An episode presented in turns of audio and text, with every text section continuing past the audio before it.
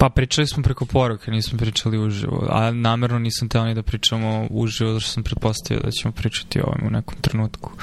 a nemam a drugih ideja. A, trenutna situacija a,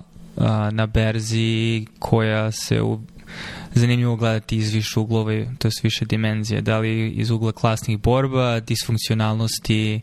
finansijskih sistema, a, korumpiranosti kroni kapitalizma, um, obmanjivanju masa od strane masovnih medija, um, novoj i mislim za mene najzanimljivija dimenzija je nova optimistična budućnost i to da sam nekako ponosan na decu koja dolaze i po prvi put se osjećam kao matar osoba jer shvatam da ovo nisu moje bitke ali da mi je drago što mlađi ljudi koji su obeštećeni a, imaju načina da se izbore sa uh, pritiscima ovog zlurodog društva. Ti si optimističan u ovoj situaciji. Optimističan sam po povodu demokratizacije a, i upward mobility -a. Znači, mogućnosti nižih klasa da u budućnosti dostignu više klase. A, iz razloga što mislim da ako se, ja ovo sad vrlo ono, hiperbolično i vrlo malo verovatan ishod, ali um, obrazovanjem što više prosječnog stanovništva u domenu finansijskih sredstava i njihovim učestvovanjem, oni će ili promeniti balans u tom ili shvativši da je taj sistem neadekvatan, zameniti ga nečim drugim među sobom. Da li kriptovalutom ili nečim drugim. Um, ali neće sudelovati onda u ovom masovnom pljačkanju. dobar prikaz toga o čemu pričamo bilo, je, bio je na, um, ima blog na srpskom tržišno rešenje i tamo su na ono, tri pasu pasusa napisali o čemu se radi i da je, su akcije jedne firme GameStop short selleri preprodali, tako da je više akcija prodato nego što u stvari postoji. Uh, što su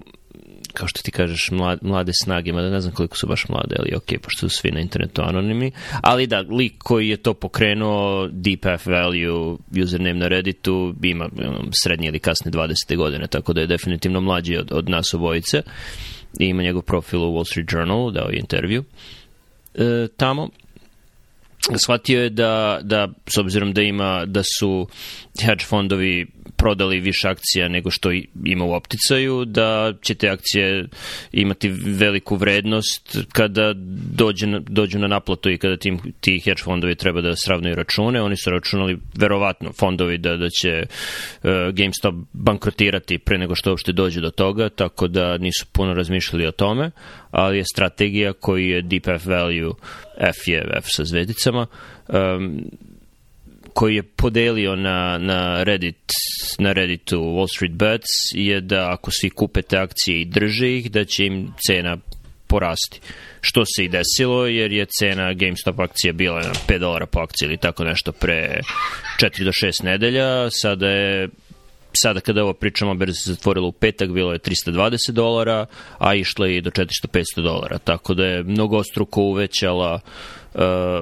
virtuelnu vrednost firme. Naravno, ta cena nema nikakve veze sa, sa, sa vrednošću GameStopa koja je prodavnica igara, video igara koje nema svetlu budućnost jer ljudi sve više skidaju igre, ne kupuju diskove i koliko sam vidio nemaju neki novi poslovni model koji bi toliko baš poboljšao njihovu financijsku situaciju ali su same akcije vredne zato što ih nema, nema dovoljno na tržištu jer ponovo dok tog short sellovanja prodali su više, više akcije nego što im u, u opticaju tako da to je situacija e, razumem da ti i puno ljudi gleda to kao na neku vrstu virtualnog i možda i efikasnijeg Occupy Wall Street pokreta, gde su shvatili da ono što su ljudi pokušali pre, ne znam koliko sad, 10-15 godina kada je već to bilo, e, da zauzmu fizički prostor, fizički prostor financijskoj industriji nije toliko bitan, pošto se sve se virtualizovalo i sve se odvija e, online, tako da su okupirali online Wall Street koji u stvari onaj koji je bitniji. Dakle, mnogo ljudi to gleda tako, što možda je tačno, ono što mene zabrinjava je da je optimizam koji ti imaš i koji ja donekle imam, e, je verovatno sličan optimizmu koji su imali ljudi za vreme arapskog proleća, gde je bio procad demokratije jer su društvene mreže omogućile koordinaciju ljudi, pojedinaca da se bore za svoja prava i da, da demokratija cveta širom Blikskog istoka, ali ili kao što su ljudi u Americi imali kod Obamine kampanje, jer je on baba prvi počeo mikrociljanje ljudi na društvenim mrežama i puno malih donatora daje novac da bi finansiralo njegovu kampanju. Ono što se od od, od, od Obamine kampanje evoluirala je Trumpova kampanja koja je uradila to isto samo na mnogo višem nivou i mnogo perfidnije. E, a ono, one, arapsko proleće se pretvorilo u procvat e, diktatura širom sveta jer su shvatili da mogu iste te metode na društvenim mrežama da koriste za svoje ciljeve. Tako da ono što mene zabrinjava je da li će ovo evoluirati u ne znam, da li je ovo za Obamu ono što je Trump za nešto što sledi u budućnosti i to me pomalo zabrinjava. Jer vrlo lako možeš zamisliti, pričali smo pre nedelju dana o tome kako ne znaš odakle stvarno dolaze informacije na društvenim mrežama i da li se to može koristiti za različite stvari ovo može biti još jedan način da strani uticaji i skriveni uticaji sada mogu direktno da uđu i na financijsko tržište. To je jedan od mogućih loših scenarija. E, dotakao se nekoliko, nekoliko stvari koje bih tada prokomentarišao, znači, ili postoji i nekoliko subtilnih pointi oko samog događaja, a i opet možda malo da razjasnim šta tačno mislim pod optimizmom, ali a, prvo da, znači, user deep F value je a, u stvari zaposeo akcije, uh, kupio akcije GameStopa još pre nekoliko godina. Našao sam ono, niz na, na Twitteru gde je lik izvadio njegove stare postove sa Wall Street Betsa, gde tada niko, svi su bili fazon zašto uopšte ovo kupuješ, samo je sedeo na tome i onda uh, i razlozi za njegovo um, kupovinu tada je bilo, da što je ta, ta akcija bila oko 2 dolara, bilo je da GameStop generalno ne posluje toliko loše, da će verovatno da porastu, da imaju profite iz kvartala u kvartal, da su zatvorili neefikasne. Znači da jesu biznis koji deluje kao da je na zalasku, ali da nisu potpunosti ono naduvani i, i da cure novac na sve strane, nego su efikasni i imaju određeni nivo profita, tako da je on samo očekivao da se opari tim što će akcija skočiti na 7, 8 ili 9 dolara. A onda je posle toga u nekom trenutku Michael Burry ušao u igru, a, koji je poznat ljudima koji su gledali Big Short, tumači ga Christine Bale, jedan od ljudi koji je prvi prepoznao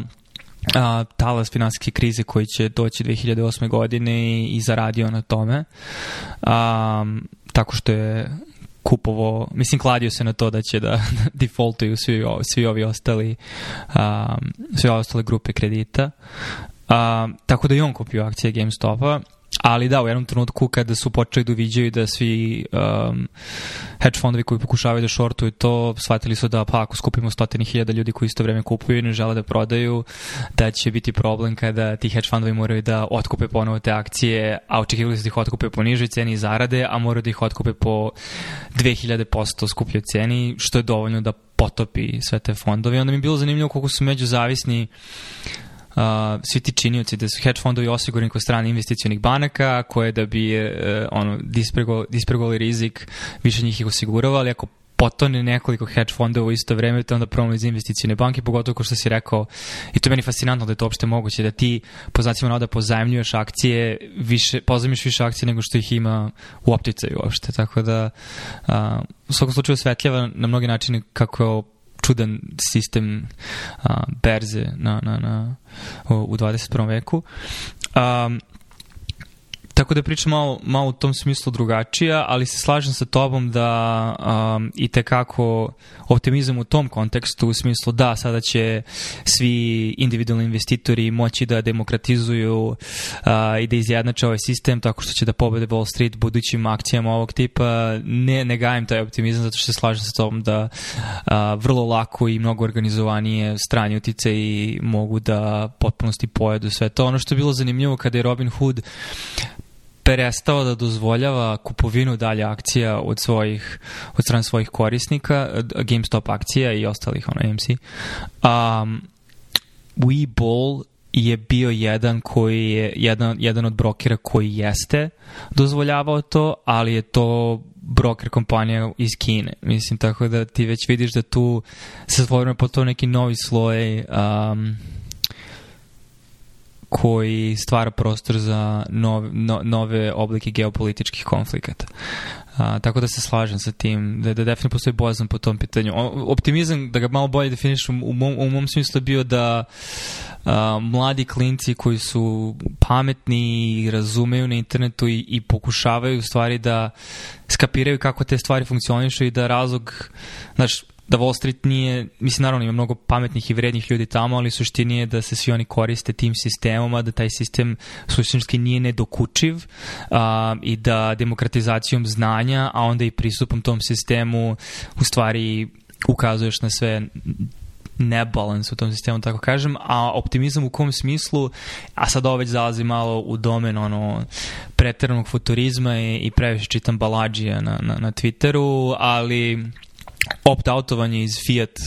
a, valuta, opt-outovanje iz dolara i odlazak u, nove, no, novi finansijski sistem kroz da li kriptovalute ili nešto drugo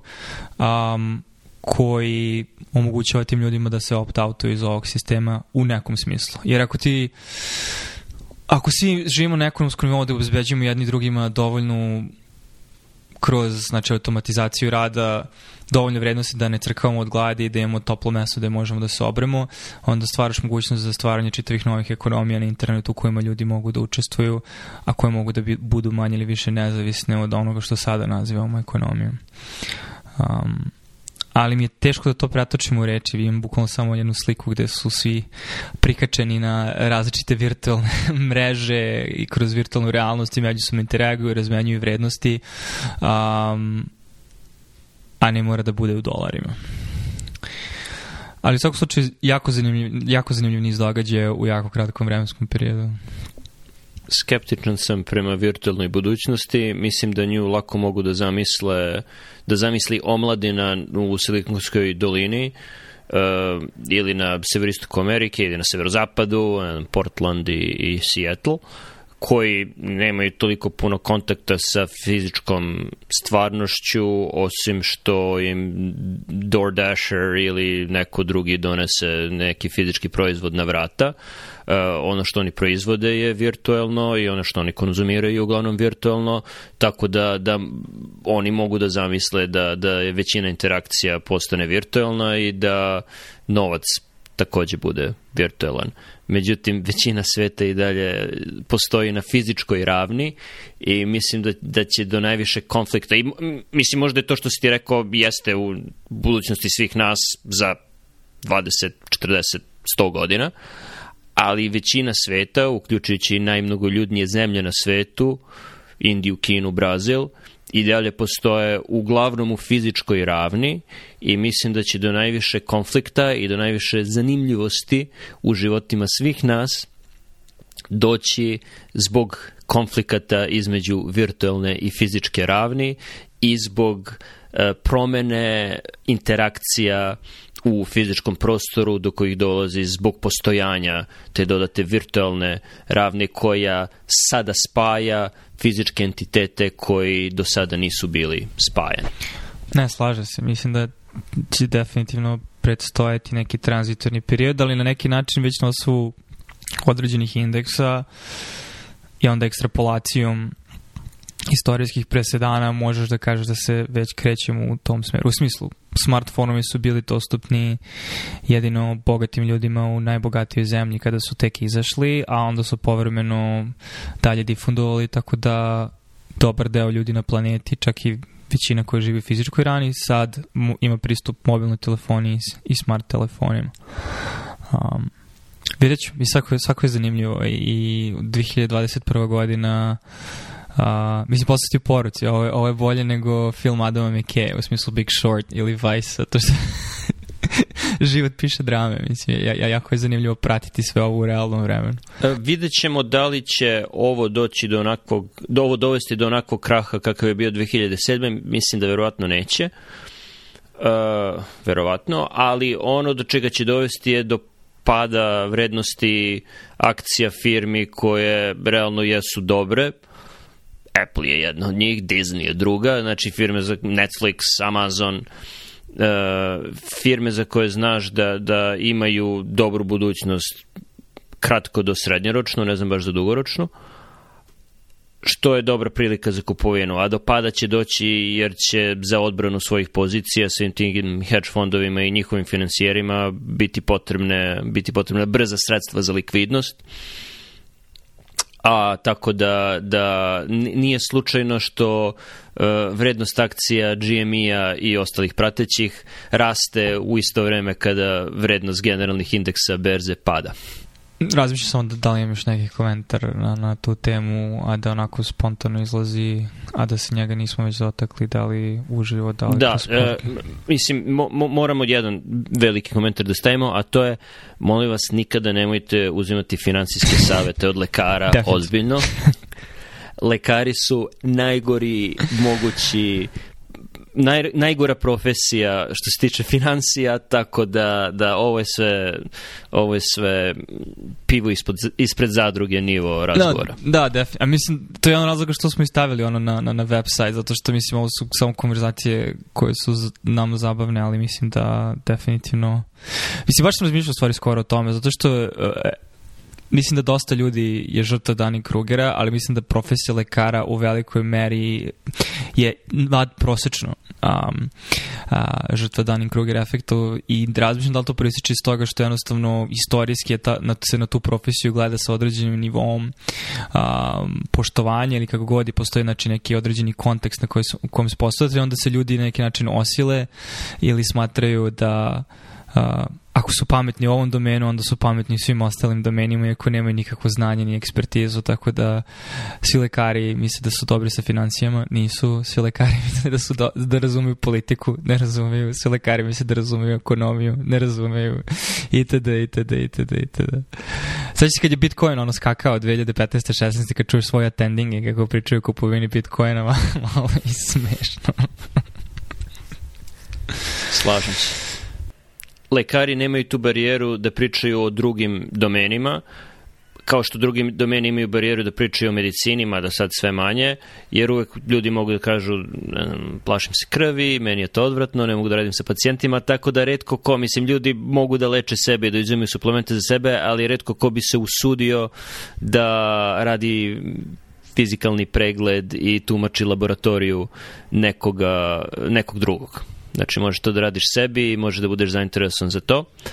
Ali sa druge strane, mislim da i tu pada barijera i mislim da može da se povuče paralela između onoga što se dešava